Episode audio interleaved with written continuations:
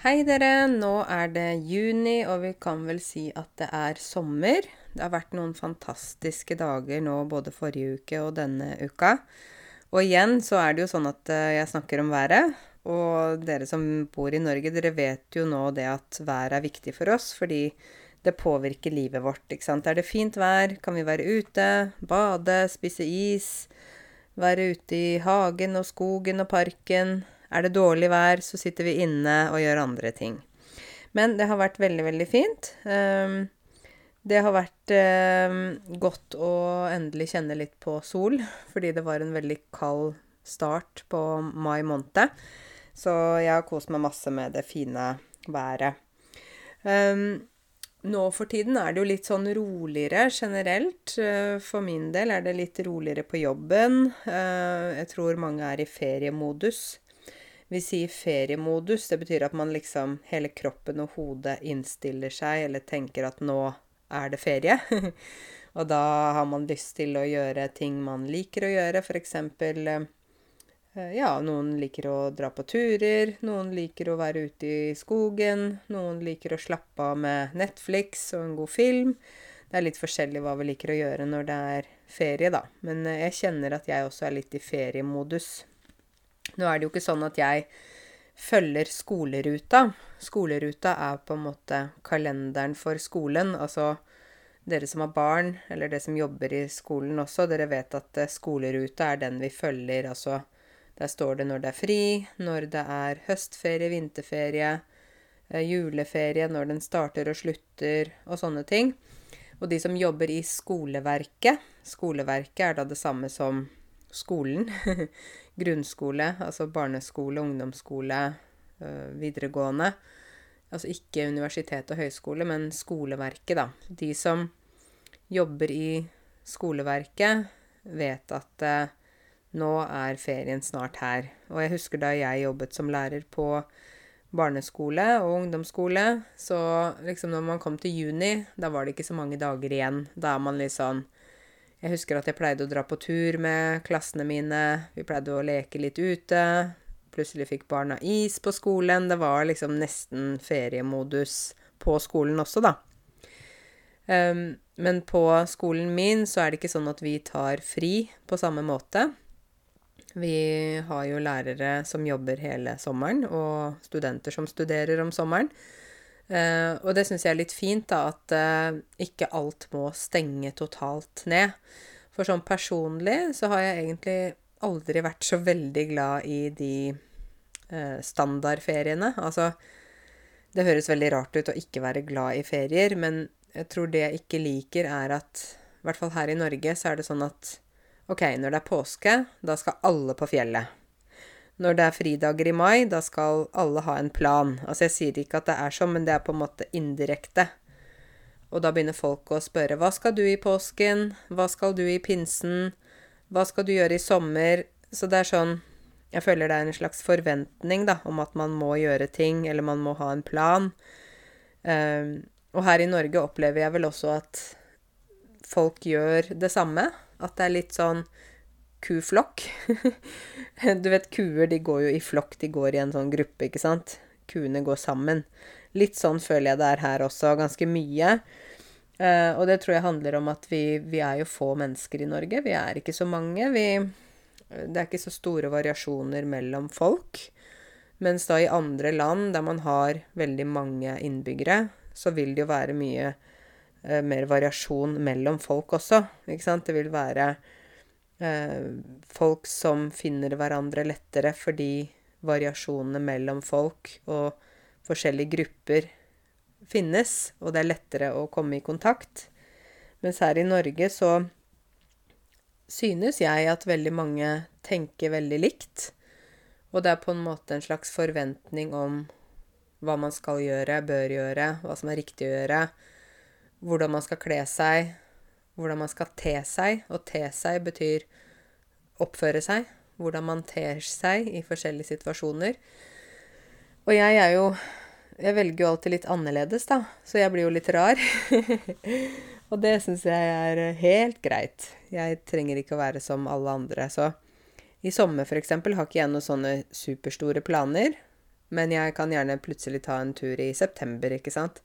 Så vi er litt forskjellige da med hvordan vi gjør ting. Men eh, jeg skulle ønske at det var litt større variasjon mellom folk i Norge. At det var litt mer liksom, åpenhet for å være annerledes, da. Og at hvis man var annerledes, eller tenkte annerledes, valgte annerledes, så var det ikke så stor ting, på en måte. Skjønner dere hva jeg mener? Jeg vet ikke om dere har merket dette her, at dere ser at mange er liksom veldig like. Um, men ja, sånn opplever jeg i hvert fall, da. Så jeg har jo alltid valgt litt annerledes, så Og jeg står for det. Å stå for no noe betyr at man på en måte ikke endrer mening, ikke sant? At uh, hvis jeg har sagt noe, da, som er min mening, så kan jeg si 'jeg står for det'. Det betyr at jeg ikke kommer til å endre mening. Jeg er fortsatt der, men jeg kan høre på hva andre sier, men jeg står for det jeg mener, da. Ikke sant? Så ja.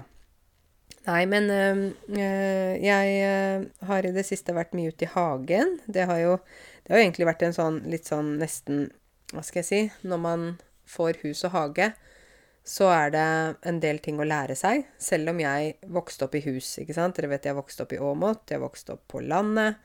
Vi hadde stort hus, stor hage. Vi hadde også skog, eller skau, som vi sier på min dialekt. Um, men jeg har jo på en måte ikke Som barn hadde ikke jeg ansvar for hagen, ikke sant. Jeg husker jo at jeg så mamma og pappa drive av i hagen. Å drive av med noe betyr at man liksom holder på med noe, man gjør noe. Så å drive av med hagearbeid, drive av med gressklipping. Og jeg husker det var sånn at pappa pleide å klippe plenen, fordi det var Vi hadde en sånn naturtomt, så vi hadde liksom ikke en én plen. Du vet, plen er gress i hagen. Vi hadde ikke én plen som var helt rett, men vi hadde liksom eh, Noen partier gikk det litt opp. Det var litt eh, oppoverbakke, litt nedoverbakke. Fordi tomten der huset vårt sto, altså tomt er da eiendommen, området der huset er bygget, ikke sant. Tomten vår hadde mye berg og stein. Sånn at eh, når mamma og pappa skulle bygge det huset på 80-tallet, så måtte de først sprenge Sprenge, da bruker man dynamitt. Og så legger man sånne matter med gummi. Og så bruker man dynamitt under, tror jeg. Og så boff, så sprenger det, ikke sant. Så ødelegger man fjellet, sånn at man kan etter hvert bygge, da. Så det blir et slags hull. så tomta vår var en naturtomt. Det var uh, mye å gjøre. Men mamma og pappa vi, altså, vi hadde ikke sånn engelsk hage. Noen av dere kanskje som kommer fra England eller har vært mye i England, dere vet at i England så har de veldig vakre hager. De er jo kjent for å ha perfekt plen, ikke sant, perfekte blomster, veldig sånn Ting er veldig strigla. det er et ord. At noe er strigla, det betyr at det er veldig rett, perfekt. Ikke noe uh, som ikke passer inn. Um, når man har hester hest, så kan man bruke en sånn børste for å strigle hesten. Da børster man pelsen til hesten slik at den blir helt fin og rett. Og på samme måte kan vi si at noe er strigla, f.eks. at et rom er strigla. Striglet, kanskje, dere vil si. Jeg har jo den øl, strigla. Og da er det helt ryddig, ikke sant? Hvis en hage er strigla, så er den helt perfekt. Så vår hage, da, i Åmot var ikke strigla. Det var en naturhage. Jeg syns egentlig det var veldig sånn fint, fordi det blir jo veldig naturlig. Det trenger ikke være perfekt. Altså, naturen er jo i seg selv perfekt, da, egentlig.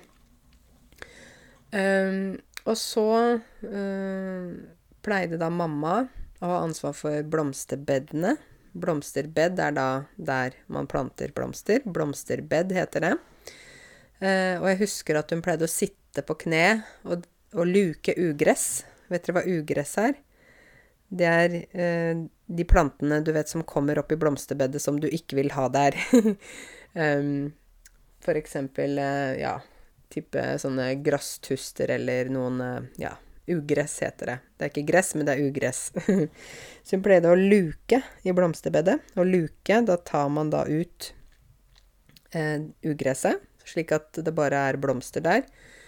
Så pleide hun å klippe rosebuskene litt. Hun pleide å knipe av blomster som var visne. Og knipe, da bruker du fingrene og neglene, og så tar du bort bare de døde blomstene. Skjønner du hva jeg mener da? Det heter å knipe. Å knipe av blomstene. Og det gjør jeg her hjemme nå også. Jeg går rundt og kniper av de døde blomstene. Um, og så pleide hun jo De pleide å dra på sånn hagesenter og kjøpe forskjellige blomster. Men noen av de blomstene vi hadde, var jo flerårige. At de var flerårige, betyr at de kommer år etter år. Vi, mamma er veldig glad i rododendron, som er da en, en veldig fin plante, blomst, som blir som et tre. Sikkert i noen av deres land så er det veldig store rododendron. Det har vi ikke i Norge, men uh, de er flerårige. Um, så hun pleide å stelle de. Og ja, luke, ugress i bedene. Um, holde alt i sjakk. Å holde noe i sjakk betyr at man, man holder det i orden, holder det ryddig. Um, ha kontroll på ting. Ikke sant? Når man sier sjakk, når man spiller sjakk, da, så sier man sjakk. Ikke sant? Da har den som sier sjakk, har jo kontroll over den andre som da må flytte brikkene sine på sjakkbrettet for å ikke bli sjakkmatt. Hvis dere har spilt sjakk, da, så vet dere hva jeg mener. Um, men poenget mitt er at som barn, da um, Og jeg vokste jo opp i en enebolig, vi hadde hage og sånn, men jeg gjorde ikke hagearbeidet, skjønner du. Vi hadde jo uh, oppgaver hjemme som vi gjorde. Uh, vi måtte rydde rommet, dekke bordet, være med å vaske opp tallerkener og glass og sånn. Vi måtte støvsuge og sånn, men vi hadde ikke så mye ansvar ute. For når man er ute og driver med hagearbeid, så er det jo også noe utstyr som er farlig for barn. F.eks. Eh, sånn type eh, saks, ikke sant. Sånn eh, hekksaks som man klipper hekken. Du vet, hekk er sånn eh, plante som vokser rundt huset. Du vet når man istedenfor gjerde, så bruker man hekk. Og den hekksaksa kan jo ikke barn bruke eller andre type verktøy, eller uh, gressklipper. Sånne ting kan jo være farlig for barn, så vi brukte ikke det. Men vi pleide å hjelpe til litt av og til med trillebår.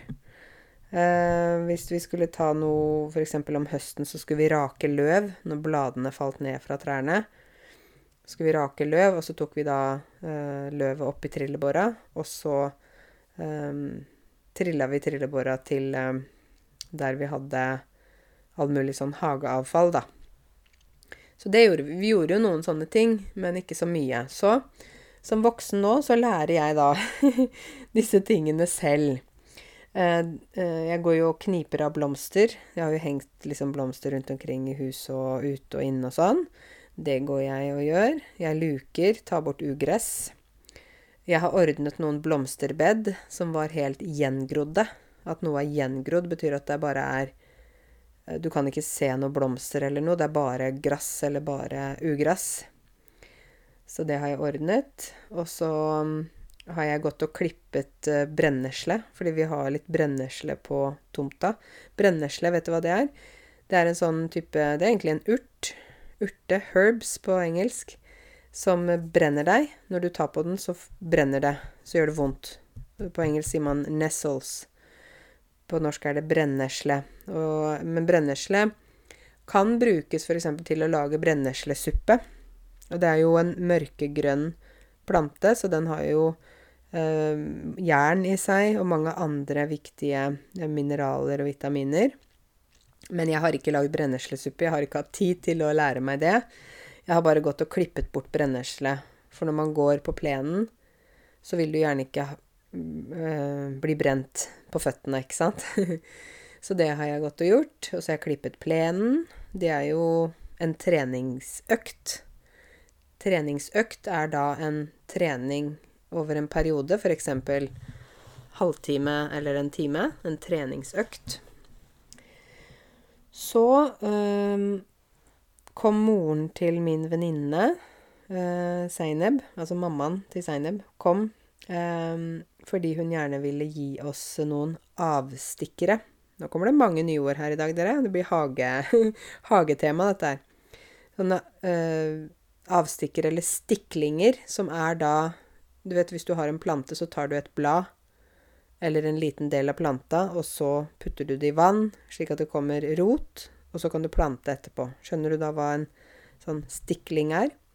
Så hun kom med salatblader til oss og eh, mynte. Nane. Noen av dere sier nane, eller na-nan. Nana på arabisk. Eh, mynt på engelsk. Mynte på norsk. og så eh, var det forskjellige sånn salatblader. Løk. Um, nå skal vi også plante jordbær. For vi kjøpte sånne kasser, sånne trekasser som kalles for pallekarmer. Eh, de setter man opp selv, og så tar man under I bånden tar man en sånn slags um, um, stoff eller noe sånn type belegg, sånn at det ikke kommer ugress opp, ikke sant. Vi kan ikke bare sette rett på bakken. Vi må ha noe under i bånd først, og så putter du jord. og så putter du da diverse grønnsaker, eller hva du har lyst til å dyrke. Å dyrke er da det verbet man bruker for når man har grønnsaker, og det blir mer og mer av det, og sånn. Da dyrker man. Dyrke poteter, dyrke gulrøtter, dyrke salat. Vi var litt seint ute i år egentlig. Uh, fordi Seinebs mamma hun sa at vi burde egentlig gjøre det i april. Men noen av de plantene hun kom med, de er flerårige. Det betyr at de kommer på nytt neste år. Og så noen av de må vi da plante på nytt igjen neste vår, da kanskje april. Um, men det er så fantastisk å ha egne planter. Det å kunne gå ut i hagen og bare plukke salat. Altså, det er jo helt jeg syns det er luksus, da. Det føles veldig godt. Eh, så vi dyrker da litt sånn litt småting her. Litt urter, litt forskjellig. Eh, og så um, Ja, så går jeg og klipper brennesle. Eh, og har ja tatt på litt jord og litt gress, for det var noen sånne flekker noen steder der det ikke var gress. Så måtte liksom så og så. Det er et verb. Ikke å se, så, har sett, men og så Da putter du et frø i jorda, som blir etter hvert til en plante. Skjønner du da? Så hvis jeg sår gressfrø i jorda, så kommer det gress opp. Hvis jeg sår f.eks. salatfrø, så kommer det salat opp, ikke sant? Så jeg har sådd litt gressfrø. Og da må jeg passe på å vanne. Og vanne er også et verb når du gir vann til blomster og planter og trær. Og vanne. Og da bruker man jo hageslange, eh, som er en slange som du får vann fra utekrana, altså ikke inne, ikke sant. Og så når det har vært veldig varmt, så har vi brukt spreder. Kjenner du disse ordene? Kanskje ikke. En spreder er da det vi bruker for å vanne plen. Særlig plen, og også planter og sånt. Det er en um, som du kobler til slangen. Så setter du på, så kommer det sånn stråle med vann rett opp, og så går den fra side til side, så det kommer vann overalt, ikke sant. Da vanner du plenen. Men når du vanner plenen, så må du ikke gjøre det mens det er sol. Det skal du gjøre på kvelden. Du skal ikke gjøre det mens sola skinner, for da kan plenen bli svidd. At plenen blir svidd, betyr at den blir brent, og da blir den gul og ikke grønn. Ikke sant? Så vi må vente til sola har gått ned. Så som du sikkert skjønner, så er det veldig mange ting jeg lærer. det er en helt ny verden for meg, alle disse her eh, hagetingene. Men det er veldig interessant. Og jeg syns at det er fint å lære litt om, om, det. Og det som er så deilig med å være ute i hagen, er jo at man får frisk luft. Man eh, på en måte jobber med hendene, ikke sant. Man er eh, nær naturen. Det er veldig avslappende, sånn at du slapper av, koser deg uten å stresse. Bahia koser seg masse ute, for hunden er jo hele tida ute med ballen sin og løper rundt og er superfornøyd. Så dette med hus og hage, det er en ny verden. Det er sikkert mange av dere som vokste opp et sted der det var både hage og kanskje skog, og dere hadde forskjellige frukttrær, dere hadde, ikke sant, forskjellige Kanskje dere hadde epler eh, plommer. Kanskje noen av dere hadde, jeg vet ikke, oliven, sitroner. Kanskje noen av dere hadde mangotrær, avokado, papaya. Um, ja, ikke sant? Det kommer litt an på hvor dere kommer fra, da, og hva slags planter og frukt og sånn som kan vokse der du kommer fra. Jeg husker da jeg bodde på Zanzibar, så uh, bodde jeg et sted der jeg plantet uh, Jeg puttet frø i jorda. Et var mango, mangotre, et var uh, avokado, et annet var papaya. Og så etter seks måneder så var, det, så var treet kommet opp, og det begynte å få frukt. Her i Norge tar det veldig lang tid. Hvis du kjøper et epletre nå, så kanskje du får epler om jeg vet ikke, to, tre, fire år. Det tar tid. Mens eh, der på Zanzibar, eh, der vokste det veldig fort. For det er jo sånn rød jord, og den røde jorda har veldig mye næring. Og så er det et tropisk klima med høy luftfuktighet. Altså det betyr, du vet, når du går ute, så svetter du, ikke sant? Da er det mye fuktighet i lufta, og så er det varmt. Og det er jo optimale forhold for planter og trær til å vokse. Mens her i Norge har vi jo ikke det. Vi har ganske høy luftfuktighet, men det er for kaldt. Så da har vi jo av og til drivhus. Noen har jo det drivhus der de har planter og Eh, grønnsaker og sånt noe inni drivhuset. Eh, da blir det veldig varmt inni det huset. Det er laget av glass, ikke sant? Og på gartnerier så finner du jo sånne driv, store drivhus, men det er jo en del som også har det i hagen sin. Sånn drivhus laget av glass. Så det er jo en mulighet. Um, men i hvert fall, jeg er sikker på at mange av dere har erfaring med dette med uh, hage, planter, mange av dere kommer fra, kanskje fra bondegård. Dere har vært vant til å være med og jobbe. Kanskje noen av dere på bondegården vant til å være med og høste frukt og grønnsaker. Å høste er et verb. Det betyr når du da tar ting inn. Altså når du skal høste epler, f.eks., så går du og plukker eplene. Ikke sant? Skjønner du hva jeg mener da? Eh, så jeg er sikker på at, at uh, mange av dere har erfaring med det. Så her i Norge så er det jo sånn også at vi har jo en del eh, eplebønder. Altså en eplebonde er de som da f.eks. i Hardanger, som har eh, masse, masse, masse epler. Mange epletrær. Eh, og så har vi jo de som har poteter. Potetbønner. Så har vi de som har gulrøtter. Um, så har vi de som har um, korn, ikke sant. Havre, hvete, rug, forskjellige korn til å lage brød. Så har vi de som har plommer og um, ja, forskjellige bær, ikke sant. Bringebær, rips, bjørnebær, stikkelsbær, solbær. Ja, mange forskjellige bær. Og så har vi jo det fine i Norge at vi har jo det som heter allemannsretten. Det jeg snakket om her i podkasten for lenge siden. Men det er jo det at vi har lov til å gå i skogen. Vi har lov til å plukke blåbær, f.eks. Ta med oss en bøtte og plukke blåbær. Og de blåbærene er jo økologiske, fulle av antioksidanter og alt mulig, så det er veldig fint. Så vi har, øh, vi har jo en del planter og sånn, men vi har ikke så mye som i mange land der det vokser hele tiden. Og det vokser fort, og det vokser lett, ikke sant.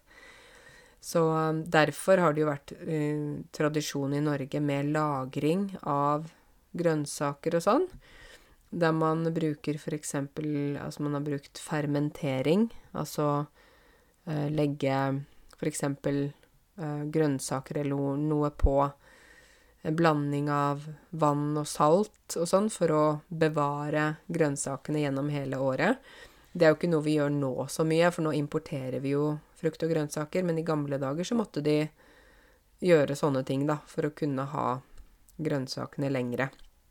Og dette er jo også noe av grunnen til at norsk mat Unnskyld meg, men er ganske kjedelig. Fordi at den tradisjonelle norske maten, ikke sant Vi har ikke hatt så mye tilgang på frukt og grønnsaker. Sånn at eh, de rettene, de middagsrettene og sånn som vi har fra Norge fra sånn tradisjonelt, er ikke så spennende. Det er ikke mye krydder, fordi vi har, vi har ikke krydderplanter. Det er ikke mye forskjellige grønnsaker fordi vi ikke har hatt mye forskjellige grønnsaker, ikke sant. Så derfor så er det sånn. Men uh, ellers så vil jeg jo si at vi uh, har jo blitt mer internasjonale i matveien nå. Mye mer åpen for forskjellig mat. Det er liksom trendy å spise forskjellig mat. Mens da jeg vokste opp, så var det litt uh, kjedeligere. Jeg husker vi hadde det når vi skulle kose oss, så hadde vi amerikansk pizza med ost og kjøttdeig og sånn. Det var en uh, sånn type lørdagsmiddag. Eller så hadde vi moussaka fra Hellas. Sånn med kjøtt og ost og noe sånt. Vi hadde lasagne fra ja, Italia. vi hadde Vi hadde, da Og så var det, ikke sant, sånn kjedelige kjøttboller, kjøttkaker, fiskeboller Ja, øh, hønsefrikassé. Øh, ja, gryterett, lapskaus, fiskesuppe, fiskepinner Ja, nei, det var ikke så veldig spennende mat. Nå er det mer spennende, da. Jeg uh, har jo tenkt sånn uh, nå fremover, i sommer og sånn, så har jeg tenkt at vet du hva Når Altså, jeg trenger egentlig ikke å Nå har det jo vært lenge siden vi har kunnet reise. Og jeg vet ikke om det er mulig å reise nå i sommer, men det går helt greit. For, for min del så er det sånn at når Norge er fint, når det er sommer i Norge, da trenger jeg ikke reise fra Norge, egentlig. Fordi sommeren i Norge kan være veldig fin. Men når høsten kommer og vinteren kommer, da kjenner jeg at jeg har veldig behov for å reise fra Norge. Og det hadde jeg ikke muligheten til i fjor og i år. Og jeg tror det er noe av grunnen til at jeg kjente at vinteren var så lang. Jeg følte at den aldri tok slutt. Og så tenkte jeg ja, men det er ikke så rart, for jeg har faktisk ikke reist ut. Jeg har ikke sett sola på lenge. Jeg har ikke vært i varmen i det hele tatt. Og da føltes den veldig lang. Så jeg håper at jeg slipper å gå enda en vinter uten å reise noe sted. Men sommeren i Norge kan være veldig fint. Det kan jo være dyrt å feriere i Norge. Å feriere er et verb. Det betyr at man er på ferie. Så hvis du skal reise noe sted i Norge, så kan det jo være greit å planlegge. Jeg tror at mye allerede er booket, fullbooket. Um, og mange skal jo reise med campingvogn og bobil og sånne ting i sommer. Så jeg tror det kan bli ganske folksomt. At det er folksomt, betyr at det er mange mennesker et sted. Um, men jeg tror, hvis man da ikke reiser når det er fellesferie Vet, fellesferie er da de fleste har ferie. Da tror jeg det er større muligheter for å finne noe sted man kan dra, eller bestille hotell, eller noe sånt. Men det kommer til å være restriksjoner, og det kommer til å være regler fortsatt. Men nå er vi jo kommet ganske langt i vaksinasjonen. Så det betyr at eh, Jeg tror jeg hørte på nyhetene i Var det i går? Hørte på radioen. At uh, nå er um, tre millioner vaksinert, eller i hvert fall fått første dosen sin. Um, så jeg tror at vi med tiden vil få en nasjon der nesten alle er vaksinerte. Um, jeg håper at det ikke tar så lang tid. Um, for de snakker nå om sånn vaksinepass og sånne ting. At man skal utvikle et, et pass um, som skal fungere som et internasjonalt dokument, eller elektronisk dokument, som gjør at man kan reise rundt uten å måtte ta karantene eller karantenehotell eller sånne ting. Men da er det først snakk om Europa. For det er mange andre land utenfor Europa der de ikke har kommet like langt, ikke sant. Det gjelder jo f.eks. Peru, hørte jeg, der var det veldig ekstremt ille. Det gjelder uh, India, uh, Brasil Det er mange land der de ikke har så god kontroll på vaksineringen og, og på viruset. Uh, og så er det jo disse mutasjonene. Så det opprinnelige viruset, det som startet i Wuhan, den virusvarianten er nok mest sannsynlig eksisterer ikke lenger, ikke sant? Fordi den har nå mutert. At et virus muterer, betyr at det endrer seg. Så den virusvarianten det startet med, har vel nå mutert så mange ganger at den mest sannsynlig kanskje ikke finnes lenger. Men um, det kommer nye varianter hele tiden, da. Og noen av de er farligere enn andre. Um, så man må hele tiden passe på. Men de sier vel at hvis man er vaksinert, så er man fortsatt ganske trygg, da. Um, jeg fikk beskjed om at min mamma skal ta første vaksine 10.6, så jeg er veldig glad for det. Mamma hadde jo bursdag på lørdag. Hun fylte 60 år. Um, og det er litt sånn rart, liksom. Mamma er 60 år. Uh, I Norge så tenker vi jo at 60 år ikke er Man er ikke noe gammel når man er 60 år. Man er ung, egentlig. Det er sånn vi ser det, da. Sånn for oss så gammel, da er du liksom 80 mot 90. Mens i noen land så er gammel absolutt 60 år. Ja, da er du gammel. Her så er det ikke sånn, så vi um, feirer egentlig bare livet. Men alle sånne milepæler Du vet, milepæl, det er en slags Det er egentlig en sånn Når man kjører på veien, så er det en stolpe. Liksom, her er det en endring. Milepæl på engelsk heter det milestone. Alle milepæler i livet, ikke sant. Det er også eh, når man eh, eh, fyller et rundt tall, da. Man Et rundt tall betyr da 40, 50, 60 sånn. Det er jo en milepæl at man har kommet ti år videre i livet. Så vi hadde bursdag for mamma på lørdag. Uh, hun liker ikke store selskaper. Hun vil ikke ha mye oppmerksomhet. Så sånn sett passet dette her koronarestriksjonene godt. Hun hadde, tror hun hadde 80 gjester. Bestevenninnene hennes, da. De hadde, og så hadde de meg, jeg og søsteren min og tante var der for å hjelpe til, slik at mamma kunne være bare gjest, ikke måtte være vertinne. Det å være vertinne, eller vert for menn, det er den som serverer og den som inviterer og Du vet, hvis du er vertinne, får besøk, du lager mat, serverer mat, spiser mat, rydder Det er ganske mye jobb. Så det er veldig deilig å få litt hjelp. Så de hadde sånn rekeparty. de hadde kjøpt reker, eh, ferske reker, og det er noe som nordmenn liker godt å spise. Da kjøper de altså ferske reker, som ofte er frosne. Reke er de derre Ikke krabbe, men reke, de som svømmer, vet du. De, de blir rosa når de blir kokt. Um, og da skreller de rekene, tar av skallet og sånt, og så sitter de med en bolle med vann ved siden av med sitron oppi, fordi at det lukter jo veldig vondt egentlig av de rekene, så du vil ikke ha rekelukt på fingrene dine. Så dypper du fingrene oppi den bollen med vann, og så sitter du og renser reker. Og da blir det ganske mye avfall, mye sånn rekeskall, som må kastes Det må kastes ganske fort. Det skal ikke ligge i søpla, ikke sant, for da kommer det insekter og fluer og ja, uff. Så jeg og søsteren min vi hjalp til å rydde og ta bort rekeskall og fikse og servere, helle i drikke i glassene og sånn. Og de koste seg veldig, da. Og så var det litt taler for mamma, hun fikk gaver, og ja, hun Hun liker ikke oppmerksomhet.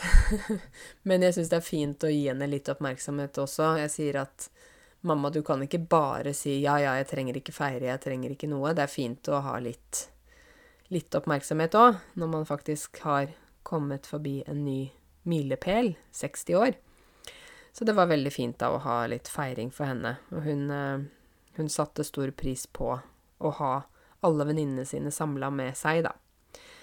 Så eh, det var en liten koronafeiring. Men en, en liten feiring, men en god feiring. Det er bedre med en liten og god feiring enn en stor og dårlig feiring. ja. Nei da. Men øh, sånn er det. Det er stadig noe ting som skjer, og ting som man skal gjøre, og Ikke sant? Um, men øh, jeg syns det er fint at vi i hvert fall har mulighet til å treffes nå, da.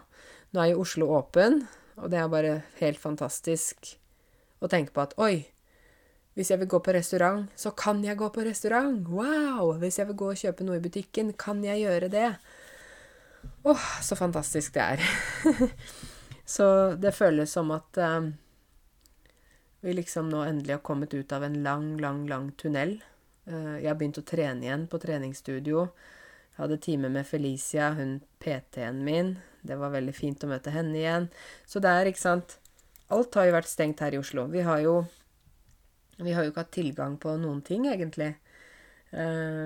Uh, Butikkene var stengt, treningssentrene var stengt, kulturaktiviteter, museum, svømmehall, alt sånt var stengt. Restauranter var stengt, bare takeaway. Så det har vært kjedelig, så det er utrolig deilig nå at byen er åpen. Det vil jo bli litt mer smitte fordi folk omgås, og omgås betyr at man har kontakt, møtes. Men det er såpass mange som er vaksinerte at det, det vil nok går bra, håper vi. Dere, jeg skal lese nå en um, tekst fra en av lytterne um, som har sendt inn historie om seg selv. Jeg syns jo det er veldig spennende å lese om dere, da, uh, og, og, deres reiser. Så um, jeg skal lese nå en historie fra en dame som kommer fra Romania. Uh, hun heter Ligia, uh, og Ligia har da skrevet eh, fortelling om seg selv, på en måte. Hun har skrevet om sitt liv, da. Og det er spennende å høre. Så nå skal jeg lese det Ligia har skrevet. Så er det veldig fint at du, Ligia, vil dele din historie med oss. Ok, Ligia har skrevet dette her helt selv på norsk, så hun skriver veldig godt. Det er veldig fint å lese denne historien, syns jeg. Ok, da begynner jeg å lese. Jeg er opprinnelig fra Romania og er en kvinne som er 31 år gammel. Jeg er gift og har to små jenter. Jeg flyttet til Norge for fem år siden sammen med mannen min etter at han fikk jobb som yrkesdykker i Bergen. Og dere som ikke vet det, yrkesdykker altså, det er noen som da jobber profesjonelt med å dykke, altså under vann. Det kan jo være etter folk som er savnet, som kanskje har druknet, eller ja, det kan være forskjellige ting. Men hvordan havnet vi her, i et land som vi visste så lite om? men som vi hørte hadde skåret høyt i statistikk når det gjelder samfunnslykke, sikkerhet og helse. Jeg ble født på en liten bondegård på fjellet og vokste opp blant dyr og grønnsakshager. Faren min er den type menneske som søker kontakt med folk som snakker engelsk eller fransk, og hver 15. august ved feiring av Santa Maria kom det mange karavaner fra Frankrike og Tyskland for å se på den store feiringen i kirken på fjellet. Slik ble pappa også kjent med en fransk familie som kom og besøkte oss flere ganger, og sendte andre familier for å besøke vår bondegård. Jeg husker at jeg var fascinert av det franske språket og ville selv snakke med dem og bli kjent med kulturen deres. Før jeg skulle begynne på videregående, fikk vi en invitasjon for å reise til Frankrike, og da takket vi ja til det. Så vi reiste rundt omkring i Frankrike i to uker sammen med familien som tok oss imot, og ble litt nysgjerrig på deres liv, på deres kultur og på den måten å være som var helt annerledes enn livet mitt på gården. Da bestemte jeg meg for å prøve å komme inn på videregående skole, men jeg strøk på matteeksamen og måtte omorganisere meg på nytt. Så tok jeg sjansen for å fortsette med å studere intensivt fransk språk og historie, mens hver sommerferie fikk jeg reise til Frankrike og jobbet som barnevakt der. Da ble språket mitt nesten flytende, og jenta fra bygda var helt forandret. Her snakker hun om seg selv, dere.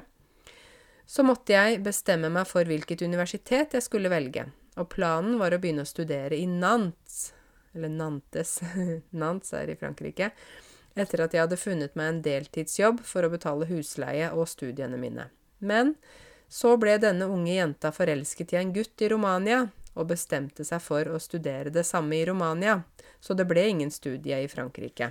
Så hun snakker om seg selv igjen, denne jenta, altså Ligia. Jeg studerte da fransk og rumensk språk og litteratur, og ble ferdig utdannet lærer og tolk.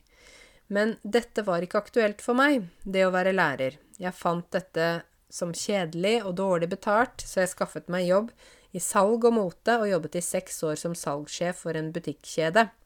Og det likte jeg virkelig. Jeg fikk reise rundt omkring i Romania, ble kjent med mange folk, og denne situasjonen var en drøm for meg, selv om dypt inni hjertet mitt tenkte jeg ofte på å reise til Frankrike, og hva som hadde skjedd hvis jeg hadde studert der. Imens eh, hadde jeg truffet mannen i mitt liv, vi giftet oss og levde et lykkelig liv. Plutselig fant mannen min ut at han ville jobbe som dykker, etter han var på et dykkekurs i Romania. Og eh, vi besøkte våre venner i Belgia og snakket mye om livet i Vest-Europa. Samme år, 2015, søkte han studieplass i Oslo på en dykkerskole sammen med bestevennen sin, og de to begynte å studere denne høsten samme år. De ble ferdig utdannet i 2016, og mannen min fikk jobb i Bergen rett etter han var ferdig med å studere. April 2016 kjørte vi bilen vår på livets eventyr mot Bergen gjennom berg og dal, snø og vind, og uten vinterklær, fordi i Romania var våren allerede i gang. Vi visste ikke engang hvor vi skulle bo, og jeg visste ikke hva jeg skulle gjøre. Men tilbake i Romania, mens jeg jobbet i salgsbransjen, hadde jeg blitt kjent med ei jente som hadde mammaen sin i Bergen, og som flyttet til Bergen for noen år siden. Da holdt vi kontakten, og nå, nå sa jeg bare at vi flytter til Bergen, så fikk vi tilbud om å bo i noen dager hos henne, og jeg fikk hjelp til å finne en leilighet til meg og mannen min. Men for å kunne leie noe i Norge må man ha gode referanser. Og nå begynte vi å bli kjent med hvordan samfunnet fungerte her. Så vi flyttet inn i den nye leiligheten, og mannen min måtte jobbe hver dag, og jeg måtte finne ut hva jeg skulle gjøre videre.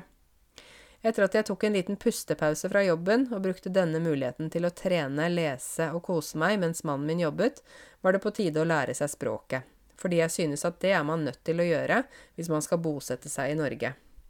Så jeg sjekket YouTube-kanaler, nettundervisning, øh, men jeg måtte være blant folk for å lære fortere. Jeg meldte meg på kurs A1 på Caritas i Bergen, og jeg hadde en lærer som heter Stian Nessestrand. For en dyktig lærer. Og dere, bare en liten kommentar fra Karense her. Jeg har jo også møtt Stian Nessestrand, og han var på kurs jeg hadde for lærere i sugestopedi, så Stian er en veldig flink lærer, ja. Jeg har møtt han også flere ganger. Så søkte jeg jobb samtidig, og fikk jobbe på en bar i sentrum og ville lære mer og mer norsk.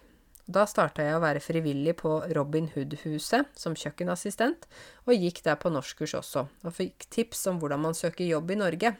Jeg tok imot alle tipsene og begynte å søke på jobb i barnehagen denne gangen, etter at jeg hadde vært på kurs i ca. tre måneder. Jeg hadde jo erfaring med små barn fra Frankrike, også fra Romania. Jeg har en syhobby, og jeg hadde jobbet som sylærer en stund for en liten barnegruppe i 2015, og gikk på noen utstillinger med barna mens vi jobbet. Dette hjalp meg veldig til å bevise at jeg eh, kan lett jobbe med barn, selv om jeg kunne språket på bare A2-B1-nivå. Jeg tror at det å lære bort og jobbe med mennesker er så godt festet inni meg at livets reise bare skulle være sånn. Jeg fikk det første barnet mitt, og så nummer to litt etterpå. På nyttårsaften brakk jeg armen min på trappa. Jeg ønsket for lenge siden å ta norskprøven for å kunne studere i Norge, men småbarnslivet er så krevende at jeg ikke fikk det til før. Så jeg bestemte meg for å kjøpe nettkurset ditt, Karense, og jobbet intensivt mens barna var i barnehagen. Jeg hadde meldt meg på norskprøven her i kommunen, og hver dag i nesten to måneder leste jeg, skrev jeg og hørte på deg, YouTube og podkast, og sendte skriveoppgavene mine til lærerne på nettskolen din. Jeg fikk sjokk da jeg fikk min første vurdering av min skriveoppgave, at jeg har B2B, og tenkte ja da, litt oppmuntring trenger man. Jeg er selv lærer og er veldig streng når det gjelder språkinnhold, tekstoppbygging og muntlig trening. Jeg tenkte at jeg var mindre flink. Men denne måten dere jobber med elevene på skolen, er så lærerik at man begynner selv å reflektere og rette opp feilene sine, og tørre å spørre læreren uten å være sjenert for at dette kan være et dumt spørsmål. Jeg er så takknemlig og glad for at jeg gjorde denne avgjørelsen, å ta nettkurset, det ga meg muligheten til å stille opp på eksamen godt forberedt. Og som livets reise går, fra et brudd i armen til norskprøve, fikk jeg B2 bestått ved første forsøk, og det er både morsomt og tragisk. Hun mener at det var tragisk at hun hadde da brudd i armen, ikke sant? At hun hadde brukket armen. Men jeg valgte å se det beste i situasjonen. Ellers hadde jeg ikke hatt tid til å jobbe på skolen mens jentene var i barnehagen. Historien ble lang, kjære Karense. Det tok meg likevel en og en halv time å skrive, og jeg føler at historien mangler noe. Jeg må bare si at jeg oppdaget YouTube-kanalen din, hvis jeg ikke tar feil, i 2017 mens jeg var gravid med nummer én. Jeg var så fornøyd med å lytte til deg. Etter at jenta mi ble født, så gikk jeg ofte på trilletur og lytta om og om igjen. Så ble jeg kjent med politiske navn, samfunnet og synspunkter som jeg falt for. Jeg hadde veldig lyst til å møte deg da du besøkte Bergen for to år siden på en jobbmesse, men igjen, gravid med nummer to og innlagt på sykehuset. Jeg håper virkelig å møte deg en dag, og takker deg for den fantastiske innsatsen du gjør for oss innvandrere, for at du lot meg se Norge og folk i Norge fra en annen synsvinkel. Jeg vil bare si at du er fantastisk, og du vet det sikkert. Reisen min er ikke ferdig her. Jeg har søkt studieplass på høyskolen for å studere småbarnspedagogikk videre, og endelig kunne lære bort til små sjeler. Håper du har en fantastisk uke ut fra oppussing, støv og mangel på kjøkken. Jeg hadde det samme for to år siden, da vi kjøpte oss hus på Sotra og måtte pusse opp. Jeg fikk dette for litt siden, da, fra Ligia. Stor klem fra en veldig fornøyd student som aldri stopper å høre på din podkast. Hilsen fra Ligia. Så det var jo veldig hyggelig. Tusen takk, Ligia, for denne historien, og tusen takk for veldig hyggelige ord til slutt. Jeg ble nesten litt sånn rørt. Du vet, rørt når man uh, blir sånn at man gråter, men man er glad. Så tusen hjertelig takk for at du ville dele historien din med oss. Jeg håper at dere andre syns det var hyggelig å høre historien til Ligia også. Og hvis det er noen som har lyst til å sende sin historie og fortelle litt om sin reise i livet i Norge eller andre steder, så er det bare å sende det til meg på e-post. Du kan også være anonym, du trenger ikke si navnet ditt. Du kan også bare si at du vil dele historien din uten å dele navnet. Da kan du sende e-post til meg, karense, alfakrøll, note.no. Så får jeg se om jeg får noen flere historier. Men tusen takk, dere. Nyt sommeren. Nyt deilige dager. Eh, bruk tiden både ute og inne. Eh, og smil og vær glad. Nå er sommeren endelig her.